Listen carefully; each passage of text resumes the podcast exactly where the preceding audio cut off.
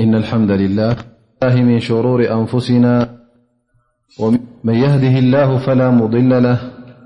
ومن يضلل فلا هادي له وأشهد أن لا إله إلا الله وحده لا شريك له وأشهد أن محمدا عبده ورسوله بلغ الرسالة وأدى الأمانة ونصح الأمة وجاهد في الله حق جهاده حتى أتاه اليقين فصلاة ربي وتسليماته عليه وعلى آله وصحبه ومن استن بسنته واقتفى على أثره إلى يوم الدين وبعد خبركم أحوات السلام عليكم ورحمة الله وبركاته زحلفة درسنا الحمد لله سورة آل عمران والدئنا لمي إنشاء الله - سورة النساء كن جمرنا يقول الله سبحانه وتعالى بعد أعوذ بالله من الشيطان الرجيم بسم الله الرحمن الرحيم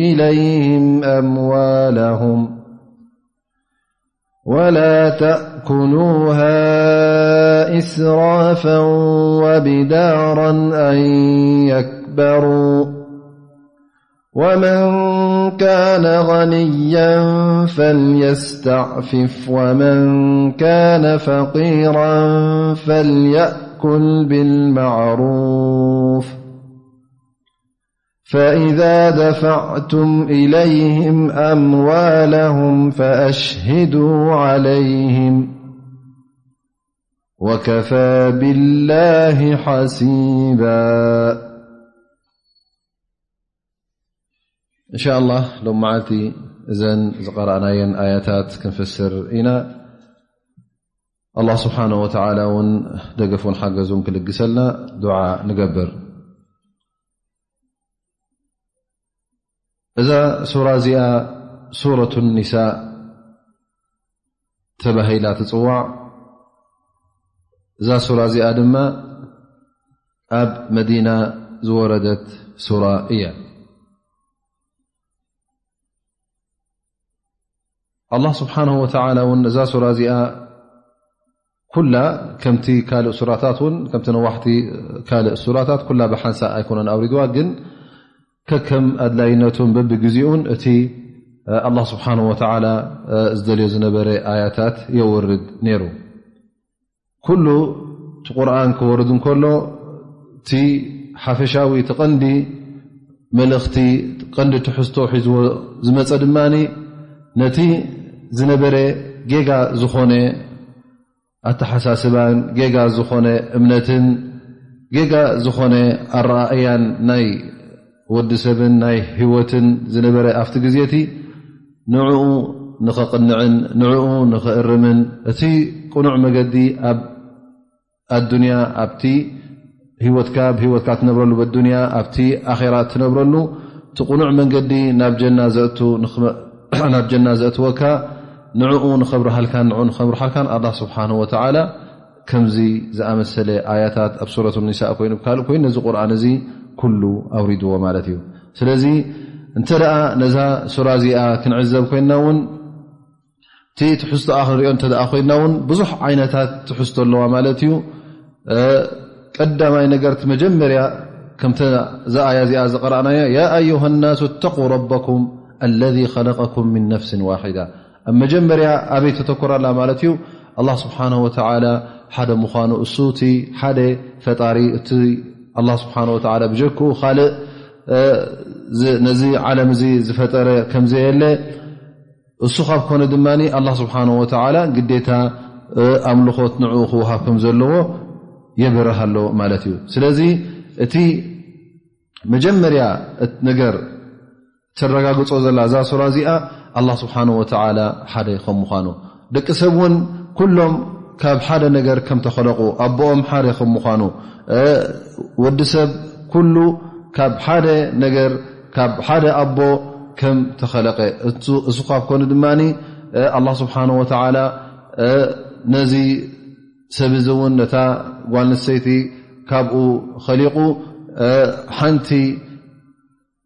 ስድራ ንኽትከውን ኣብ መንጎ እዚ ሰብ እዚ እውን ናይ ዝምድናን ናይ ሕውነትን ርክብ ከም ዘሎ ስጋዊ ርክብ ከምዘሎ ናይ ሕውነት ከምዘሎ ናይ ራሒም ከም ዘሎ ኣላ ስብሓን ወተዓላ የመልክተልና ኣሎ ማለት እዩ ስለዚ ወዲ ሰብ ካብ ሓንቲ ነገር ከም ተኸለቀ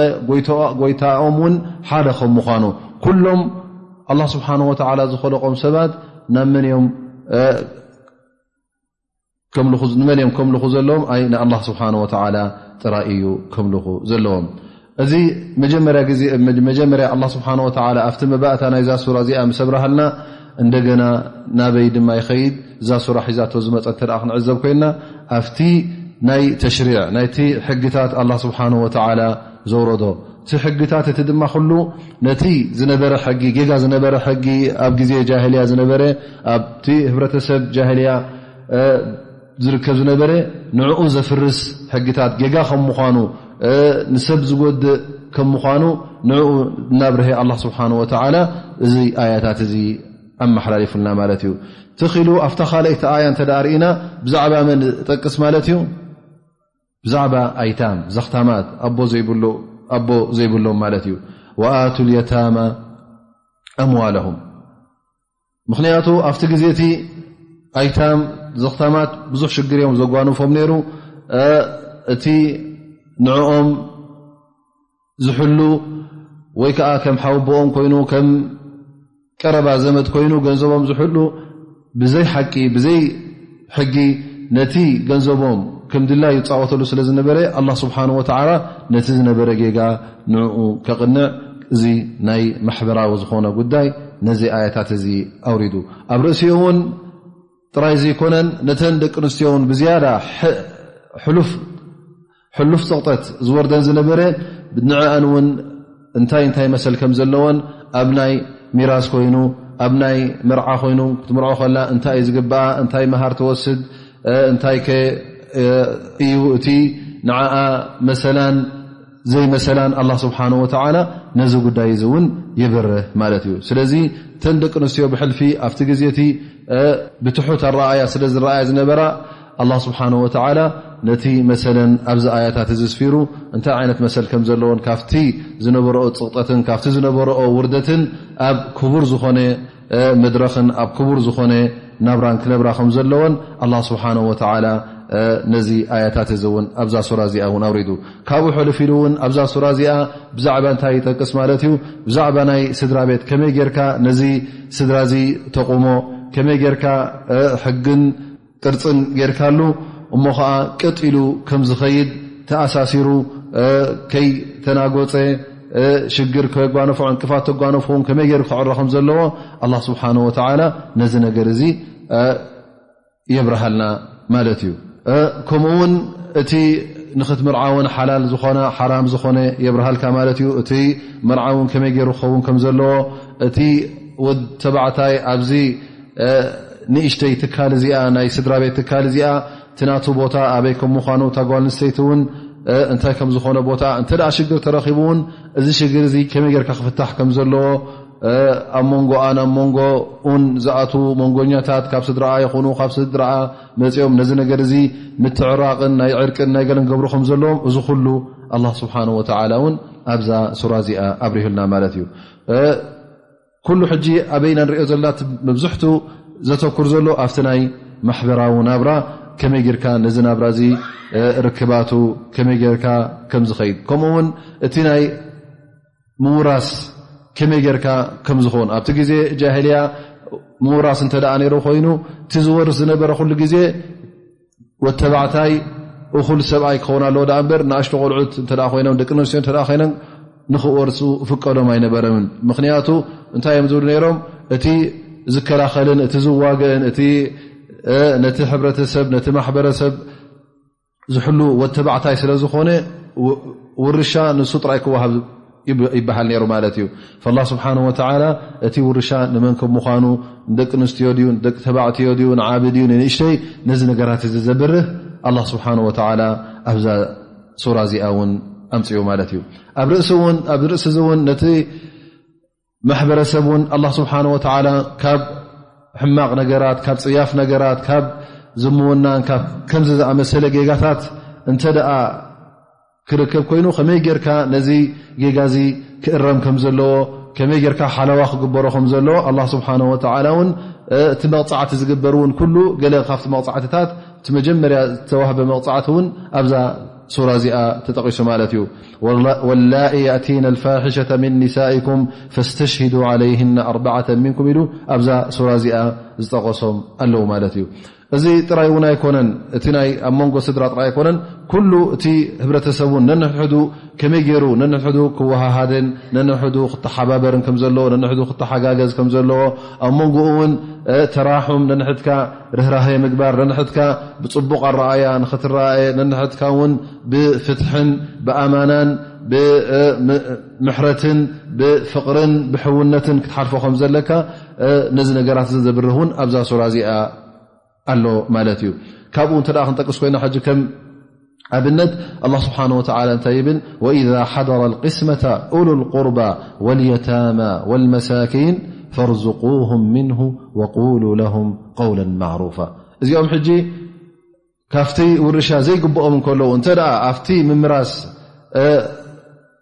ተረኺቦም ማለት እዩ ክትማረስ ከለካ ክትመቓቐል ከለኻ እዞም ሰባት እዚኦም ወላ ሓንቲ የብሎም ዝምድና የብሎም ምሳኻ ገለ የብሎ ዝምድና ክሉ ክእል ግን ርሑቕ ዝምድና ግን ከም መሰል ናይ ውርሻ ይግብኦምን እዩ ገሊኦም ውን ድኻታት ኾኑ መሳኪን ኾኑ እንተ ኣብቲ ትማረሰሉ እዋን ምሳኻ እተ ኣለዉ ኮይኖም ርኢኹም ኣለዉ ኮይኖም ሰምዑ እተ ኣለዉ ኮይኖም ነቶም መሳኪን እውን ካብቲ ትባረሶ ዘለኻስ ካብኡ ኣጥሞም ሃቦም ይብለካ ማለት እዩ። እዚ ሕጂ ኣብ መንጎኻን ኣብ መንጎ እቲ ህብረተሰብን ናይ ሕውነት ክርከብን ናይ ራሕማን ናይ ፍቕርን ንክህሉ እዩ። ስለዚ እቲ እንታይ እዩ ዘርእየና ዘሎ እዚ ኩሉ ኣላ ስብሓን ወላ ዝጠቕሶ ዘሎ እቲ ናይ ማሕበራዊ ጉዳይ ከመይ ጌርካ ክትሕግጎን ከመይ ጌርካ ትርክባትን እቲ ዘሎ ናይ ስድራ ቤት ይኹን ናይ ካልእ ወገናት ናይ ማሕበረሰብ ጉዳይ ነዚ ነገር እዚ ብሕጊ ክኸይድ እተ ኮይኑ እዚ ኣብ ምንታይ ተመርኮሲ ክኸውን ኣለዎ ቀዳማይ ነገር ኣብቲ ኣላ ስብሓን ወተላ ዝሃበካ ዲን ኣብቲ ኢማንካ ምስኡ ዝተኣሳሰረ ክኸውን ኣለዎ እቲ እትገብሮ ሕግታት እቲ እትገብሮ ሸርዕታት ካብቲ ኣላ ስብሓን ወላ ዘውረዶ ሸርዒ ካብኡ ክወፅእ ከምዘይብሉ የብርሃልና ኣሎ ማለት እዩ ስለዚ ዝኾነ ይኹን እንተ ክሽራዕ ኮይኑ እተ ክሕገግ ኮይኑ ካብቲ ኣላ ስብሓን ወተላ ዝሓበረና ካብቲ ዲና ካብኡ ወፃኢ ክኸውን የብሉን እቲ ህብረተሰብና እቲ ኩሉ ርክባትና ኣብ መንጎናን ኣብ መንጎ ደቅናን ኣብ መንጎ ስድራናን ኣብ መንጎ እቲ ኩሉ ማሕበረ ዘለናዮ ኩሉ ብምንታይ ክኸይድ ዘለዎ በቲ ኣላ ስብሓን ወተላ ዝቀየደና ዲን ብኡ ቀጢሉ ክኸይድ ከም ዘለዎ እዩ ዘርእየና ኣብ ርእሲ እውን ኣብቲ ኣያታት ካልእ እተ ክንርኢ ኮይና ኣብዚ ሱራ እዚኣ ዝተመሓላለፈ ኣላ ስብሓን ወተዓላ እቲ ሙእሚን ኩሉ ግዜ ምስቲ ሓዉ ሙእሚን ፅቡቕ ርክብ ክህልዎ ፅቡቕ ሕውነት ክህልዎ ምትእስሳር ክህልዎ ምስቲ መሪሕነቱ ተኣሳሲሩ ሓደ ኢድ ኮይኑ ከይድ ዳኣ እምበር ነቶም ኣሕዋእቱ ገዲፉ ናብቶም ፀላእቱ ክፅጋዕ ከም ዘይብሉ የብርሃልና ማለት እዩ ኣብ ርእሲኡ እውን ካብቲ ኣያታት እዛ ሱራ እዚኣ ዝጠቐሰቶ እንተ ሓደ ሰብ ኣብ ሕማቕ ቦታ ኣብቲ ዲኑ ዘየቑመሉ ቦታ ኣብቲ ኣስላማይ ዝዋረደሉን ኣብ ጭንቂ ዝነብረሉን ቦታ እተ ኮይኑ ግዴታ ካብዚ ቦታ እዚ ናብቲ ዲኑ ዘቑመሉ ቦታ ከይዱ ኣብኡ ህጅራ ክገብር ናኡ ክፈልስ የብርሃልና ማለት እዩ ኣላ ስብሓን ወተዓላ ከምኡ ውን እንተ ዝኾነ ይኹን ኣስላማይ ቆልዑትን ንኣሽቱ ህፃናትን ድኹማትን ክወፁ እንተ ዘይከኣሉ እንተ ኣብ ትሕቲ ፀላእ ኣለዉ ኮይኖምውን ምእንቲ ኦም ኢልካ ውን ምእንቲ ዞም ተወፂዖም ዝነብሩ እውን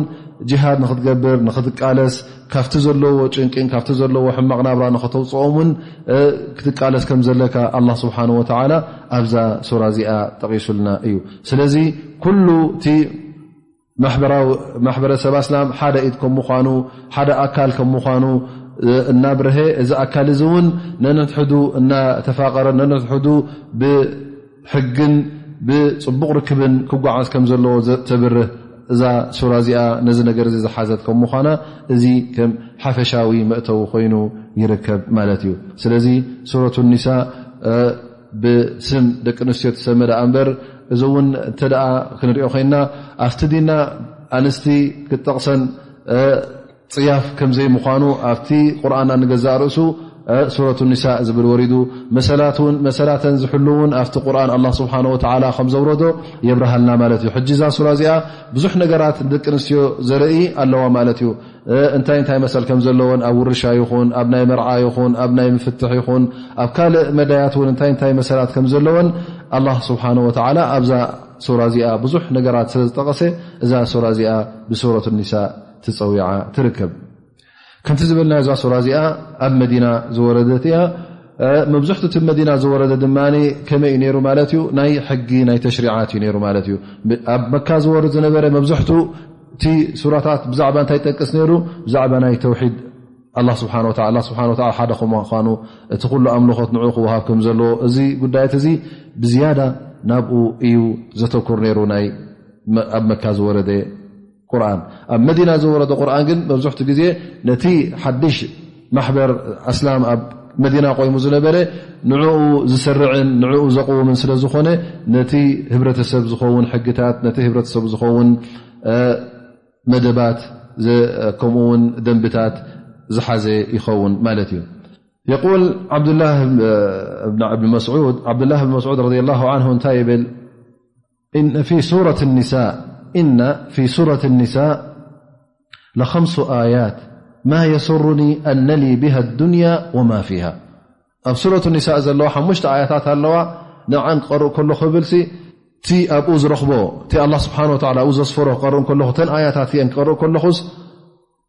ካብቲ ኩሉ በዱንያ ዘሎን ካብ ኩላ ዱንያ ትብኣ ዘሎን ካብኡ ዝበለፀን ዝሓሸን ኮይኑ ይረኽቦ ይብል ካብተን ኣያታት እንታይ ይብል እታ ቀዳመይቲ ኣያ ይጠቕሳ ይብል ኣላ ስብሓን ወተላ ኢነ ላ ላ የظሊሙ ምቃል ዘራ ትብል ኣያ እዚኣ ኣላ ስብሓን ወላ እና ላ ላ የظሊሙ ምቃል ዘር እዚኣ ክብለካ ከሎ ኣላ ስብሓን ወላ ፈፂመ ኣይዕምፀካን እዩ ወላ እውን ክንዲ ኣቶም ትኸውን ነጣብ ትኹን እውን ክንደኣ ኣይ ዕምፀካን እዩ ክብለካ ከሎ ኣላ ስብሓን ወላ ሕጂ እንታይ ማለት እዩ እዙ ፈፂምካ ኣዕርፍ ማለት እዩ እቲ ጌጋታትካ ዝገበርካዮ ዘንቢ ኣላ ስብሓን ወላ ዘይገበርካዮ ዘይናህካ ከም ዘይውስኸልካ እንተ ሰናይ ዝገበርካዮ ነገር ኣሎ ኮይኑ ውን ካብቲ ሰናይ ዝገበርካዮ ውን ከም ዘየጉድለልካ እዚ ተኣማሚንካ ክትነብር ትኽእል ማለት እዩ ምክንያቱ እቲ ዘንብኻን እቲ ጌጋኻን እቲ ር ትገብሮ ዘለኻን ፀብፅቦ ቁፀሮ ተተባሃልካ ክትፅብፅቦ ዶ ትኽእል ኣላ ስብሓን ወላ ተዘይፅብፂቡ ስኻ ፈፂምካ ክትቆፅሮ ኣይትኽእል ኢኻ እተ ክትፅብፅቦን ክትቆፅሮን ጀሚርካ ምናልባሽ ትጋገ ትኸውን ር ዝሓሰብካዮ ንዓኻ ብዝያዳ ኣብ ጌጋ ውን ተወድቕ ትኸውን ላ ስብሓን ወላ ፈፂሙ ከምዘይዕምፀና እዚ ዓያ ስለ ዘወረደ እዚኣ ሓንቲ ካፍታ ንልበይ ደስ ድብላኒ ከምኡውን ካብ ኩሉ ኣዱንያን ኣብ ኣዱንያ ዘሎን ዝበለፀት ኮይና እረኽባ ይብል ማለት እዩ ثم يقول እዚኣ ኣብ ኣያ ኣርብዒን ኣላ ማለት እዩ ከምኡ ውን እንታይ እን ተጅተኒቡ ከባኢረ ማ ትንሃውነ ዓንሁ ንከፍር ዓንኩም ሰይኣትኩም ወንድክልኩም ሙድኸለ ከሪማ እዚኣ ድማ ካለይቲ ኣያ ይብል ማለት እዩ ምክንያቱ እዚኣ እንታይ እያ ትብል ዘላ እንተ እቲ ዓበይቲ ዘንብታት ከባኢረ ዝኑብ ዝበሃል እንተ ካብኡ ነፍስኹም ሓሊኹም ሲ እቲ ካልእ ዘንብታትኩም ሲ ኣላ ስብሓን ወላ ክፍረልኩም እዩ ኣብ ጀና ውን ኣብቲ ሰናይ ዝኾነ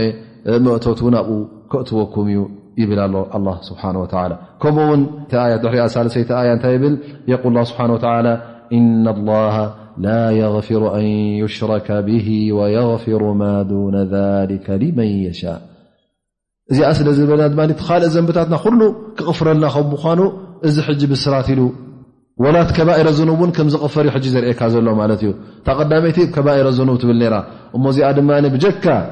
ሽርክ ተዘይኮይኑ ኣላ ስብሓን ወላ ኩሉ ክምሕረካ ከምዝኽእል ሉ ክምሕረካ እውን ከም ዝኾነ ወላ ከባኢረ ዝኑብ ተዓበይቲ ዘንብታ ዝበሃል እውን ክምሕረካ ከም ምኳኑ ትብስር ኣያ ስለ ዝኾነት እዚኣ እውን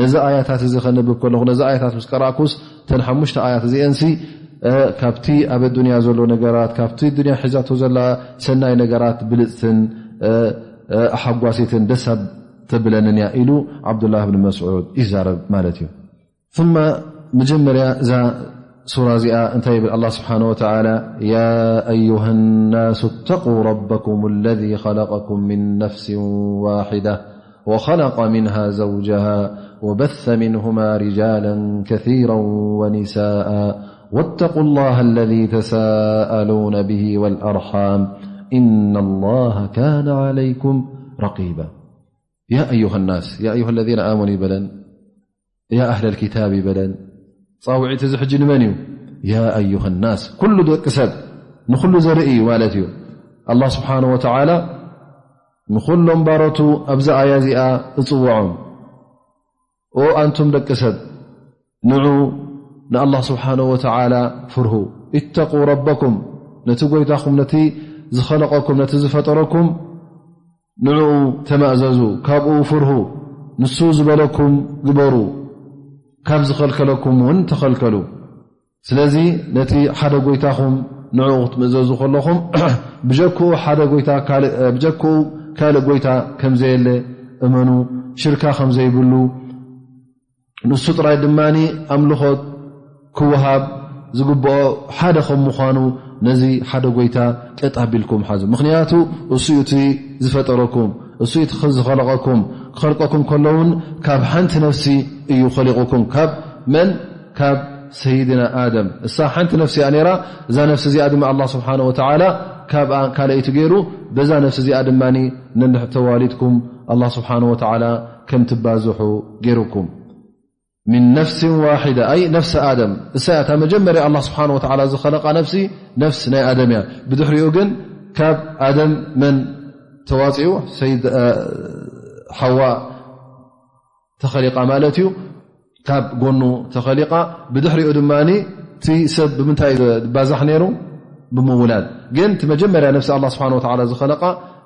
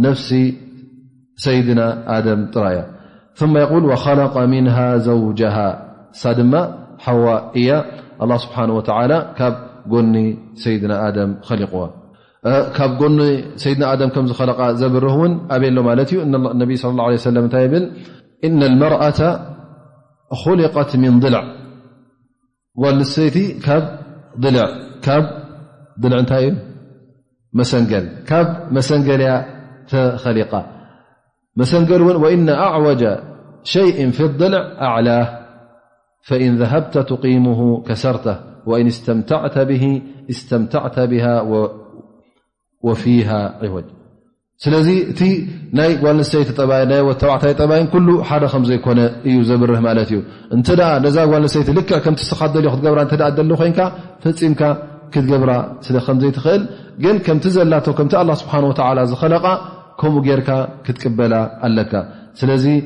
እንተ እቲ ሓዳርካን ናይ ናይ ስድራ ናብራ ብሰላም ክኸይድ እተ ኮይኑ ኩሉ ከምቲ ስኻ ደልዮ ክኸውን ከምዘይክእል እንተ ብሓይሊ ከተቕንዖ ፈቲንካ ን ከምቲ ስኻ ደልዮ ክትኮነልካ ደሊኻ ውን ፈፂሙ ክኾነልካ ከምዘይክእል ግን ተመሳሲልካ ክትነብር ሓንሳ ገለ ደስ ኢሉካ ካብኣ እቲ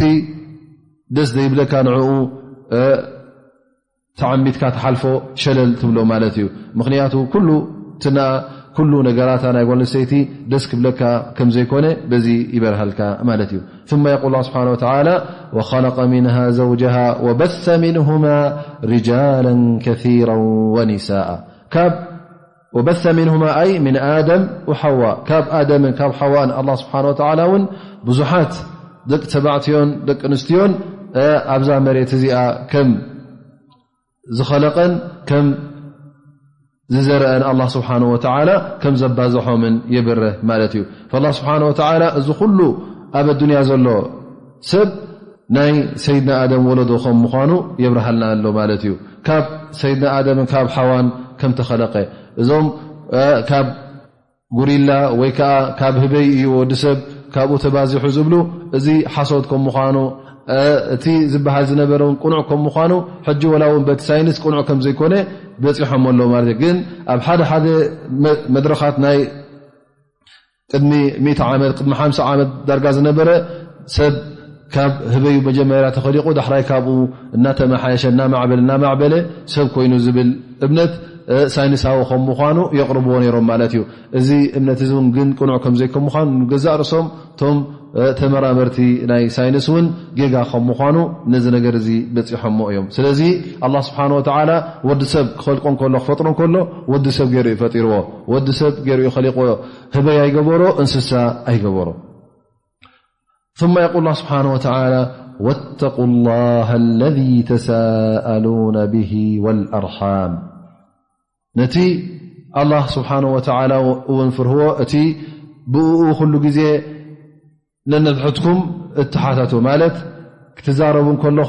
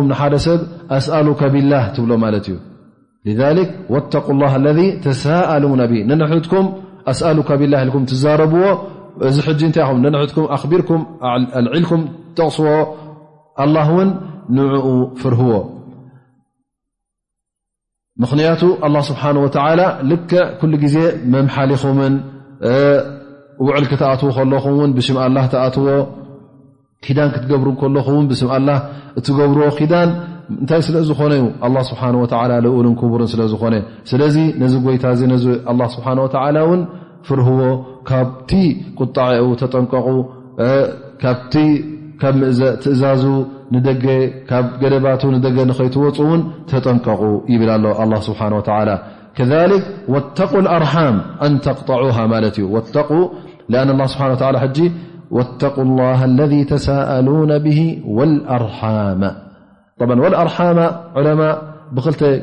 يقرأ يبلن والأرحام تكون ل ج بمعنى واتقوا الأرحام أن تقطعوها ملت نت أمنم ل ول نت رحمنهكم ت ولدم نم أزمتكم نم بتسبكم ንኸይትቆርጽዎም ኣብ መንጎኹምን ኣብ መንጎኦምን ኩሉ ግዜ ርክብ ክህሉ ሰናይ ርክብ ጽቡቕ ርክብ ንክህሉ ኣላ ስብሓን ወተዓላ ነዚ እውን ምስቲ ናቱ ባርነትን ምስ ና ኣምልኾት ምስ ተቕወትና ስብሓን ወተዓላ ነዛ ርሒም እዚኣ ኣገዳሲት ስለ ዝኾነት ኣላ ስብሓን ወተዓላ ምስኣ ጠሚሩ የዘኻኽረና ኣሎ ማለት እዩ ወላኪን ብሩሃ ወሲሉሃ ነዚ ርሒም እዚ ኩሉ ግዜ ነዚ ርክብ ናይ ኣሕዋትካ ናዝማትካን ኩሉ ግዜ ብሰላም ብፅቡቕ ርክብ ክኸይድ ከም ዘለዎ ኣብ መንጎኻን ኣብ መንጎ ውን ጎረፅ ክርከብ ከም ዘይብሉ ኩሉ ግዜ ሰናይ ክትገብረሎም ጥራይ ክትሓስብ ከም ዘለካ ስለምንታይ ኣነ ንዓይ ግልፅ ኢሎም ኣይርእሉን እዮም ንዓይ ወላ ሓንቲ ገይሮም ኣይፈልጡን ኢልካ እዚስ ክትሓስብ የብልካን ኩሉ ግዜ ንስኻ እቲ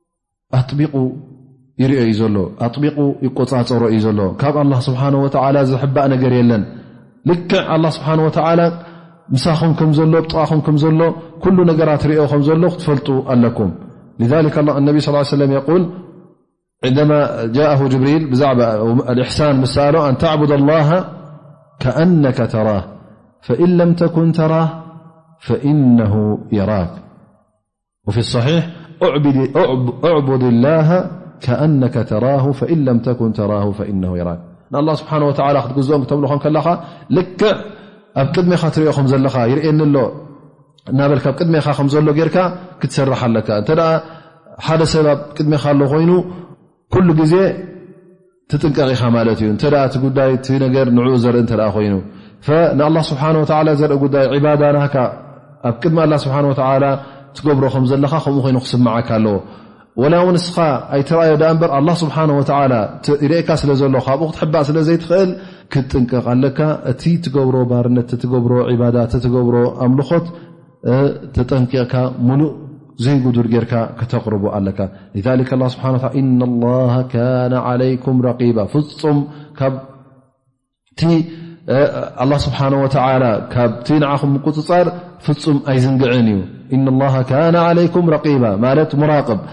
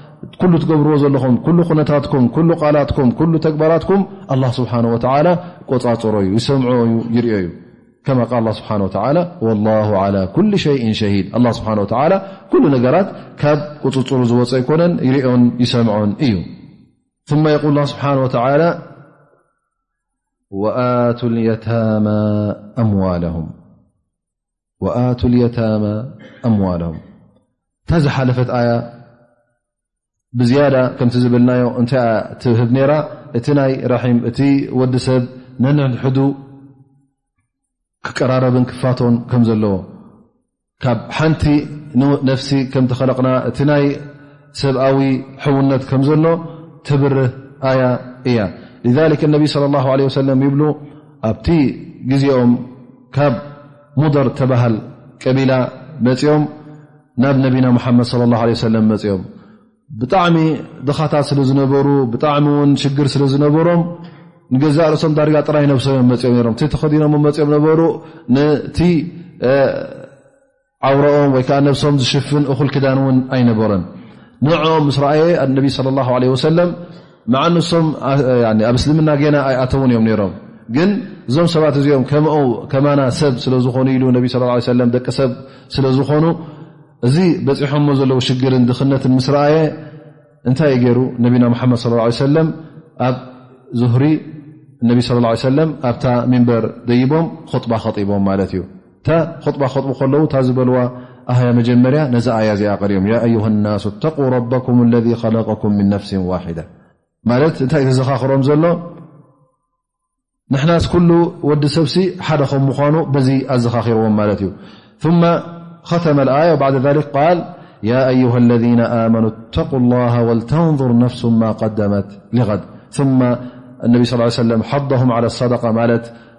ሰደቃ ሃቡ ኢሉ ነዞም መሳኪን ሰባት እዞም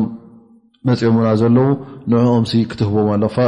ቃል ተሰደቀ ረጅሉ ምን ዲናር ምን ድርሃም ምን ሳዕ ብር ምን ሳዕ ተምር ፈዚ እንታይ ዘርእየና ዘሎ ማለት እዩ ነቢ ለ ለ ሰለም ነዚ ጉዳይ እዚ ሰብኣዊ ጉዳይ ስለ ዝኾነ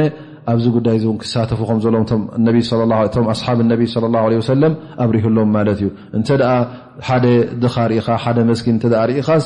ክትህቦን ክትልውሃሉን ከም ዘለካ እዩ ዘብርህ ማለት እዩ እዚ ካብ ኮነ እንተ ደኣ ነቲ መስኪንን ነቲ ድኻን ነቶም ኣይታምን ክትልውሃሎም ካብ ሃለወካ ሊክ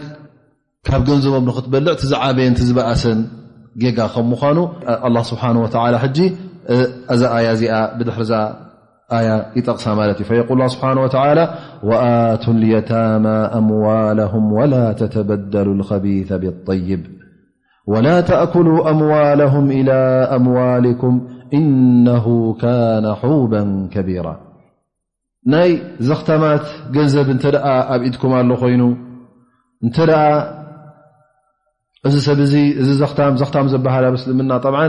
ኣቦኡ ዝሞቶ ጌና ዕድመ ዘይኣኸለ ህፃን ክኸውን ከሎ እዚ እንታይ ይበሃል የቲም ወይ ከዓ ዘኽታም ይበሃል ላ ስብሓን ወተላ እንተ ናይዞም ሰባት እዚኦም ገንዘብ ኣሎ ኮይኑ ገንዘቦም ሃብዎም ገንዘቦም ክትቦም ከለኻ ግን ክንዲ ሰብ ምስ ኣኸለ ማለት እዩ ክንዲ ባልቕ ምስ ኮነ ዕድሚኡ እኹል ሰብኣይ ምስ ኣኸለ ክኸውን ኣለዎ ማለት እዩ ላኪን ነቢ ስ ሰለም ላኪን ላ ስብሓን ወላ እውን ነዚ ገንዘብ እዚ ንኸይትበልዖ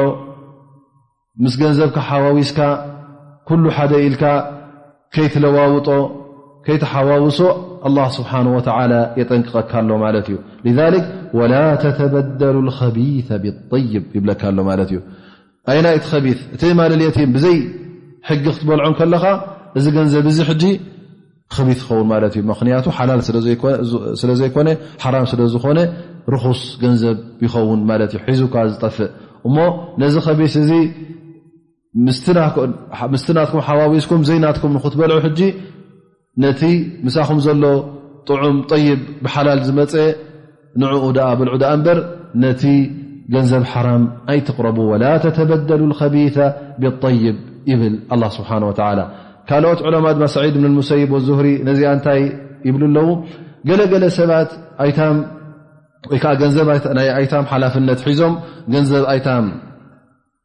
ንክሕልው እዚ ናይ የቲም ተባሂሉ ናይ ወዲ ሓዎም ኮይኑ ናይ ዘመድ ኮይኑ ናይ ገንዘብ የቲም ተባሂሉ ክሕልዎ ተዋሂቦም ከለዉ እንታይ እዮም ዝገብሩ እዚኦም ሕጂ የል ላ ትዕጢ ማህዙላ ወተእኹዝ ሰሚነን ንኣብነት ኣባጊዕ ህልዋ ኮና ናይዚ የቲም እዚ ዕስራ ባጊዕ ንሱ ድማ ናቱ ባጊዕ ኣለዎ መ እዚ ዝሕሉ ዘሎ ማለት እዩ እንታይ ገብር ሕጂ እንታይ ኣሎ በጊዕ በጊዕ ኢሉ ነታ ናይቲ የቲም በጊዕ ፅብቕቲ ዝነበረት በጊዕ ዕስራ ኣባጊዕ እንዲኦም ሂቦም ነሩ ኣቦኡ ዕስራ ባጊዕ ገዲፍሉ ነይሩ ኢሉ ተን ድኹማ ድኹና ዝኾና ዕስራ ባጊዕ ይህቦ ማለት እዩ በጊዕ ብበጊዕ ኢሉ ማለት እዩ ወይ ዲናር ብዲናር ፈየቁል ኣضሓክ ላ ተእኹ ኣው ላ ትዕጢ ዛኢፈን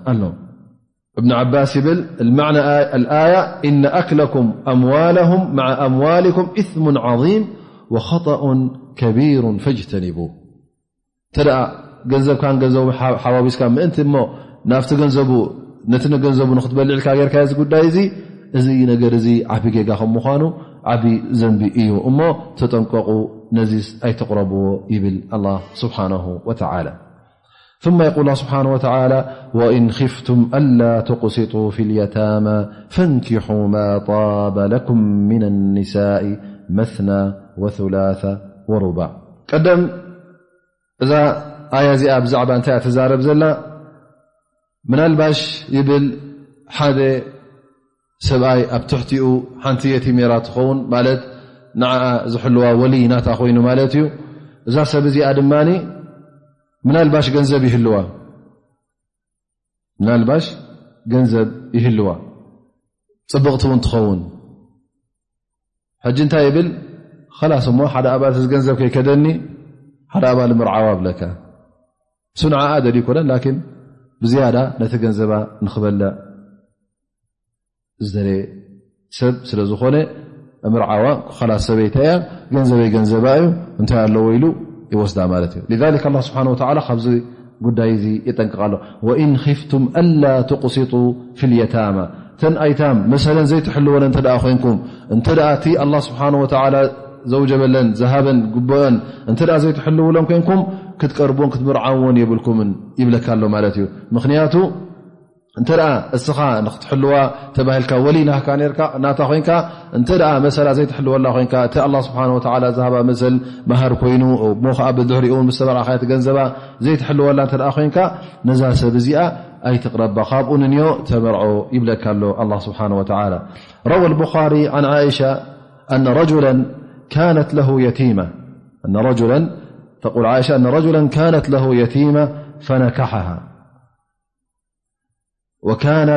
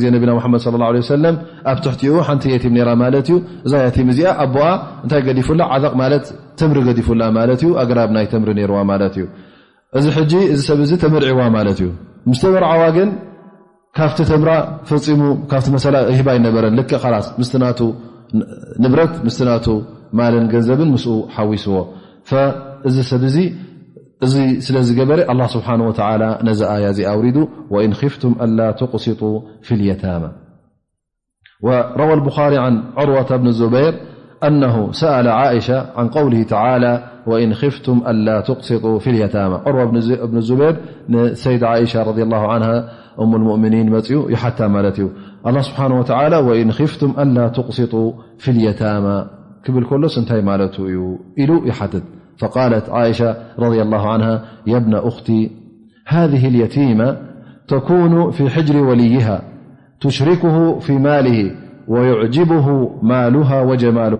لى سنتهن في الصداقات وأمروا أن ينكحوا ما طاب لهم من النساء سواهن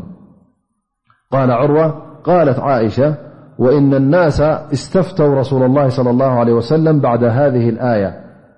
فأنزل الله سبحانه وتعالى ويستفتونك في النساء قالت عائشة وقول الله تعالى في الآية الأخرى وترغبون أن تنكحوهن أي رغبة أحدكم اليتيمة إذا كانت قليلة المال والجمال فنهو أن ينكحوها من رغبوا في ماله وجماله من يتام النساء إلا بالقسط من أجل رغبትه عنه እ كن قሊلت الማل والجማل ሰይዳ ዓእሻ ዕርዋ እብኒ ዙበር ምስ ሓተታ ብዛዕባ እዛ ኣያ እዚኣ እንታይ ኢላ ትምልስ እዛ ኣያ እዚኣ ብዛዕባ ሓንቲ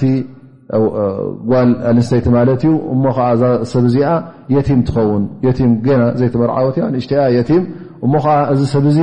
ገንዘባ ዝሕሉ ተቆፂሩ ማለት እዩ ዘመዳ ኮይኑ ወዲ ሓውቦኣ ኮይኑ ወደብኮኣ ኮይኑ ገለ ኮይኑ መቸም ብዝብፃሕ ብፅሓ እሞ እዛ ሰብ እዚኣ ኣብቲ እሱ ስለ ዝቆውም ዝነበረ ነቲ ነገራታ ዘካይደላ ስለ ዝነበረ እዛ ሰብ እዚኣ ፅብቕቲ ኮይና ምስ ረኸባ መልክዕ ዘለዋ ምስ ረኸባ ገንዘብ ዘለዋ ምስ ረኸባ ሓደ ኣባል ክምርዓዋ ብል ክምርዓዋ ከሎ ግን መሰላታ ስለ ዘይሕልወላ እቲ መሰላታ ከይሓለወ ልክዕ ከምተን ካልኦት ዝግበኣ መሃር ከይሃበ ዝግበኣ ኩሉ ከይሓለወላ ክወስዳ እንከሎ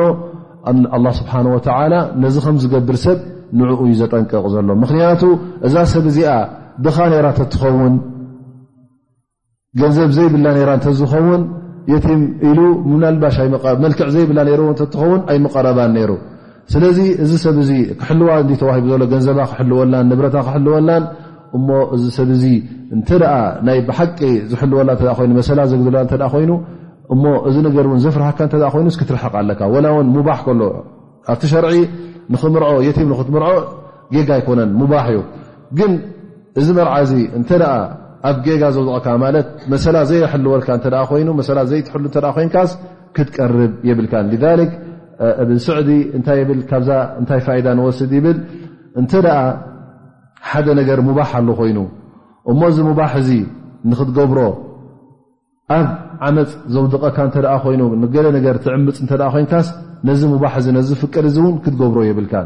ኣይ ላ የንበ ኣን የተዓረض ዓብድ ልኣምር ለذ የኻፍ ምን ጀር ወለው ካነ ሙባሓን ወላ እውን ዝኾነ ነገር ሙባሕ ከሎ እንተ ግን እዚ ሙባሕ እዚ ሓታ ንገዛእ ርእሱ ትመርዓ ዝኾነ ጓልሰይተ ክትምርዓዋ ከለኻ ድላይካ ንክትመርፅ ፍቁድ እዩ እቲኣ ትመርፅ ጓልክስቶ ጓልክስቶ እንተ ነዛ ሰብ እዚኣ ትምርዓዋ ዘለካ እሞ ንክትዘልማ ንክትዕምፃ እንተ ኮይኑ እዚ መርዓ እዚ ንገዛእ ርእሱ እንታይ ይኸውን ማለት እዩ ሓራም ይኸውን ምክንያቱ እቲ ናካ ድልት እንታይ እዩ ንክትዕምፅ ናብ ዓመፅ ንክትወድቕ ዘውድቐካ እተ ኮይኑ ክትቀርብ የብልካ ስለዚ እቲ ሙባሕ ንገዛእ ርሱ ዝፍቀደካ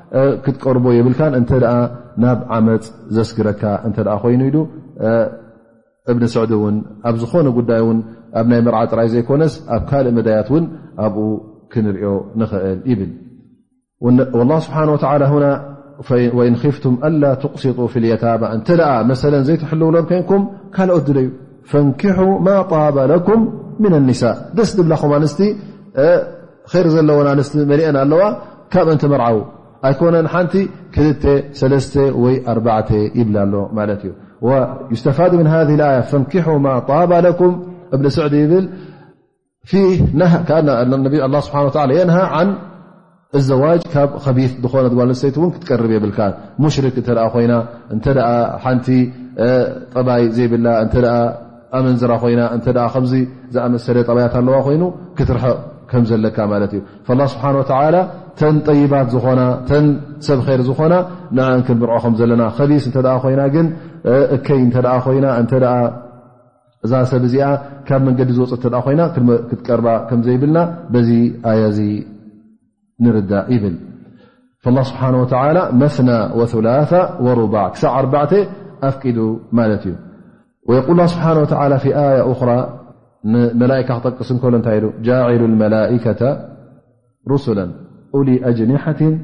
مثنى وثلاث وربع ل جلج م ل ل لوم ይብ ሃል ካብ ኣርባዕተ ንላዕሊ ግልግለ ዘለዎም ኣለው መላካ ዋላ የለው ኣለው ይ ምክን ሓደ ብል ጠይብያ ከ ዳ ስብሓ ናይ መላካ መና ወላ ወርባ ኢሉ ክሳዕ ኣርባዕተ ጠቂሱ ግን እዚ መጨረሻ ኣይኮነ ካብኡ ካብ ላዕሊ ከምዘሎውን ንርዳእ ማለት እዩ ይብል ብ ስብሓ መና ወላ ወርባ ክብል ከሎ ክሳዕ ዝደብሉ ይበለና እንታይ እዚ ከም ኣብነት ይጠቂሱልና ዘሎ በር ካብኡ ክንወስኽ ንኽእል ኢና እንተበለኸ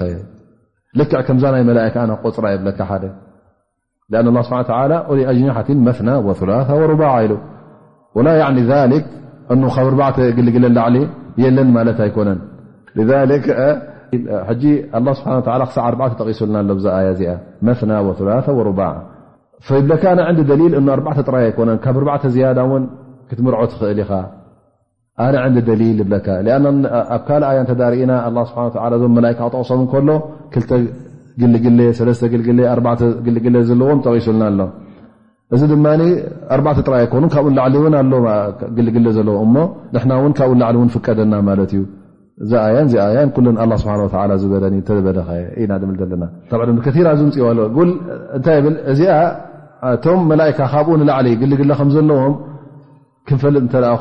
ዝፈለጥናዮ ደሊል ስለ ዘለና ካልእ ደሊል ካብ ሓዲ ነቢ صለ ላه ለ ወሰለም ዝመፃና ደሊል ኣሎ ከምኡ ውን እዚ ኣያ እዚኣ እቶም ኣንስቲ 24 ክትምርዖ ትፍቀደካ ኣላ ስብሓን ወላ ፊ መጃል ኣልእምትናን ስለ ዝመፀ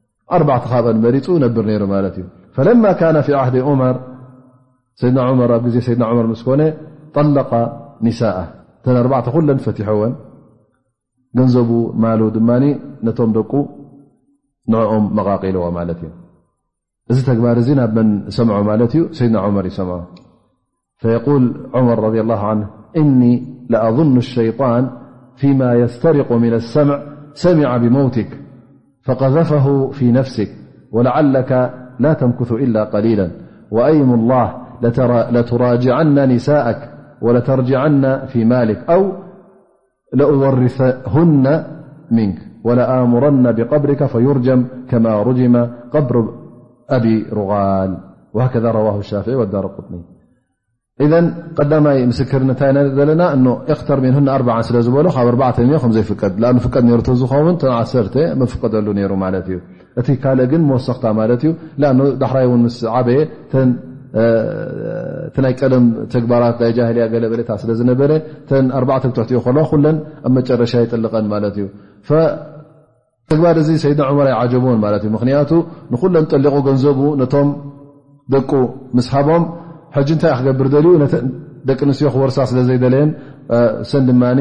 ብናይ ዝምድና ናይ ደቁ ይኮና ላ ሓንቲ ብፅሖኦን እየን ስለዚ ገንዘብ ሒዘንኦ ክጠፍኣ ዝብል ሓሳብ ገይሩ ማለት እዩ ስለዚ ነቶም ደቁ ጥራይ ሂቡ ቲ ገንዘብ ሰይድና ዑመር እዚ ሰብ እዚ ገለ ሸይጣን ወሲስዎ ኣሎ ማለት እዩ ሸይጣን ዝሰምዖ ነገር ኣሎ እሞ ክትመውት ኢኻ ዝብል ሓሳብ ኣምፅሉ ኣሎ ስለዚ እዚ ስለ ዝኾነ ይፈትሖዎን ኢሉ ወይ ነተን ኣንስትኻ ኩለን ትመልሰን ይብሎ ተዘየሎ ዋላ እውን ብድሕሬኻ ገንዘብካ ኩሉ ንዕአን ከዋርሰን እየ ኢሉ ይዛረቦ ማለት እዩ ወኣይም ላ ለትራጅዐና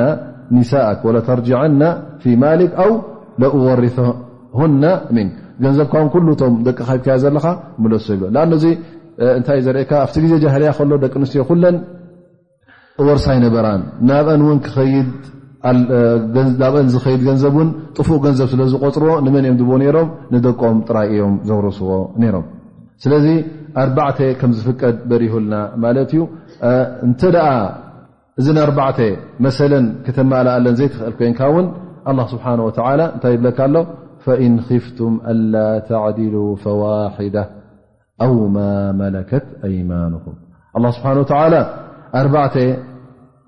ኣፍቂድልኩም እዩ መትና ወላታ ወሩባዕ ግን እዚ ነገር እዚ ቅድሚ ኩነት ኣለዎ ሸርጢ ኣለዎ ማለት እዩ ነዘን ኣርባዕተ እዚአን መሰለን ኩለን ክትሕልወለን ኣለካ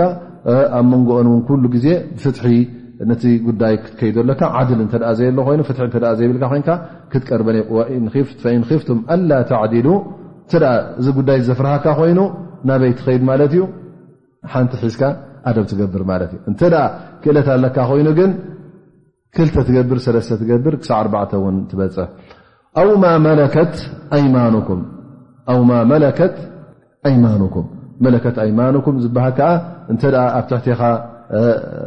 ገረድ ወይ ባርያ ኣላ ኮይና ተተሰራ ብሃ ማለት እተ ትሕትኻ ኣላ ኮይና እሰን እተ ሒዝካ ኣለኻ ኮንካ ካብ ኣርባዕተ ንላዕሊ ክትሕዝ ትኽእል ኢኻ ማለት ወይን ኺፍቱም ኣላ ተዕዲሉ እተን ጭዋታት ዝኾና ኣንስትኻ እሰን መሰለን ልክዕ ሓደ ስለ ዝኾነ ነናተ ድማ መሰለን ክትሕልወካ ኣሎ እተ ባራዩ ኮይነን ግን ነተን በራዩ ትሕትኻ ዘለዋ እሰን መሰለ ማለት ከም ድላይካ ነቲኣ ሓንቲ መዓልቲ መፅያ ነ ካይቲ መዓልቲ ነ ሳለሰይቲ መዓልቲ ኢልካ ክትፅብፅብ ኣይትግደድን ኢኻ እንተጌርካዮ ፅቡቕ ግን እተዘይገበርካዮ ግን እዚ ስለ ዘይትሕተተሉ ተን ባርያ እንተ ኮይነን ንዐአን ሒዝካ ተ ባርያ ዘለዎ ሰብ ማለት ሓንቲ ኣይኣኸለቶን ክልተ ሰለስተ ከምፅእ ድማ ዘይክእል እንተ ኮይኑ ዓድል ክኸውን ወይ ከዓ ፍትሐኛ ክኸውን እተ ዘፍርሆ እተ ኮይኑ እንተ ኣብ ትሕቲኡ ዘለዋ ባርያ ኣለዋ ኮይኑ ን ንሒዙ ብሀአን ይትረፍ ኢሉ ስብሓ ይሕብረና ማለት እዩ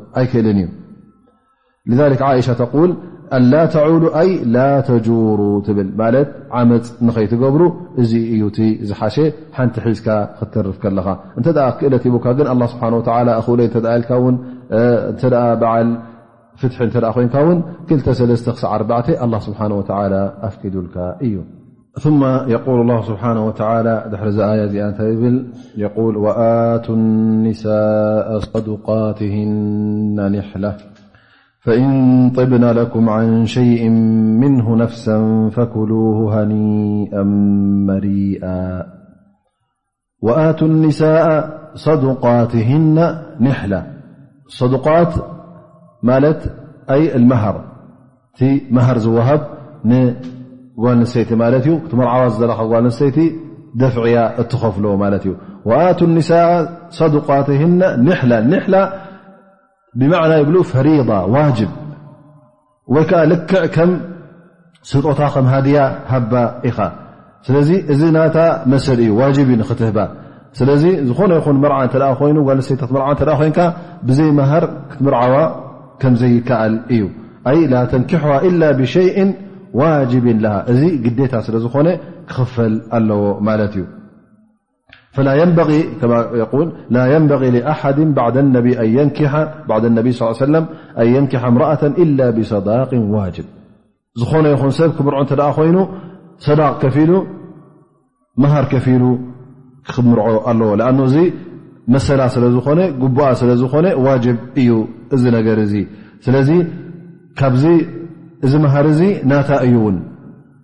ذሊክ ኣላ ስብሓን ወተላ ክትባ ከለኻ ውን ይብሉ ዑለማ ጠይበ ነፍሲ ኮንካ ክትባ ኣለካ ደስ ኢልካ ክትህብ ኣለካ ማለት እዩ እዚ ዝወሃብ ዘሎ ኒሕላ ማዓናሃ ን ጢብ ነፍስ ክትወሃብ ኣለዋ እዚ ትወሃብ ዘሎ እውን ናታ ከም ምኳኑ ብዘይ ፍቓዳ እውን ክትወስዶ ከምዘይትኽእል ኣላ ስብሓን ወተላ ይሕብረካ ሊክ ኣብ መጨረሻ እዛ ኣያ እንታይ ብ መጀመርያ ክትውሃብ ከም ዘለዋ ወኣቱ ኒሳء ሰዱቃትህና ኒሕላ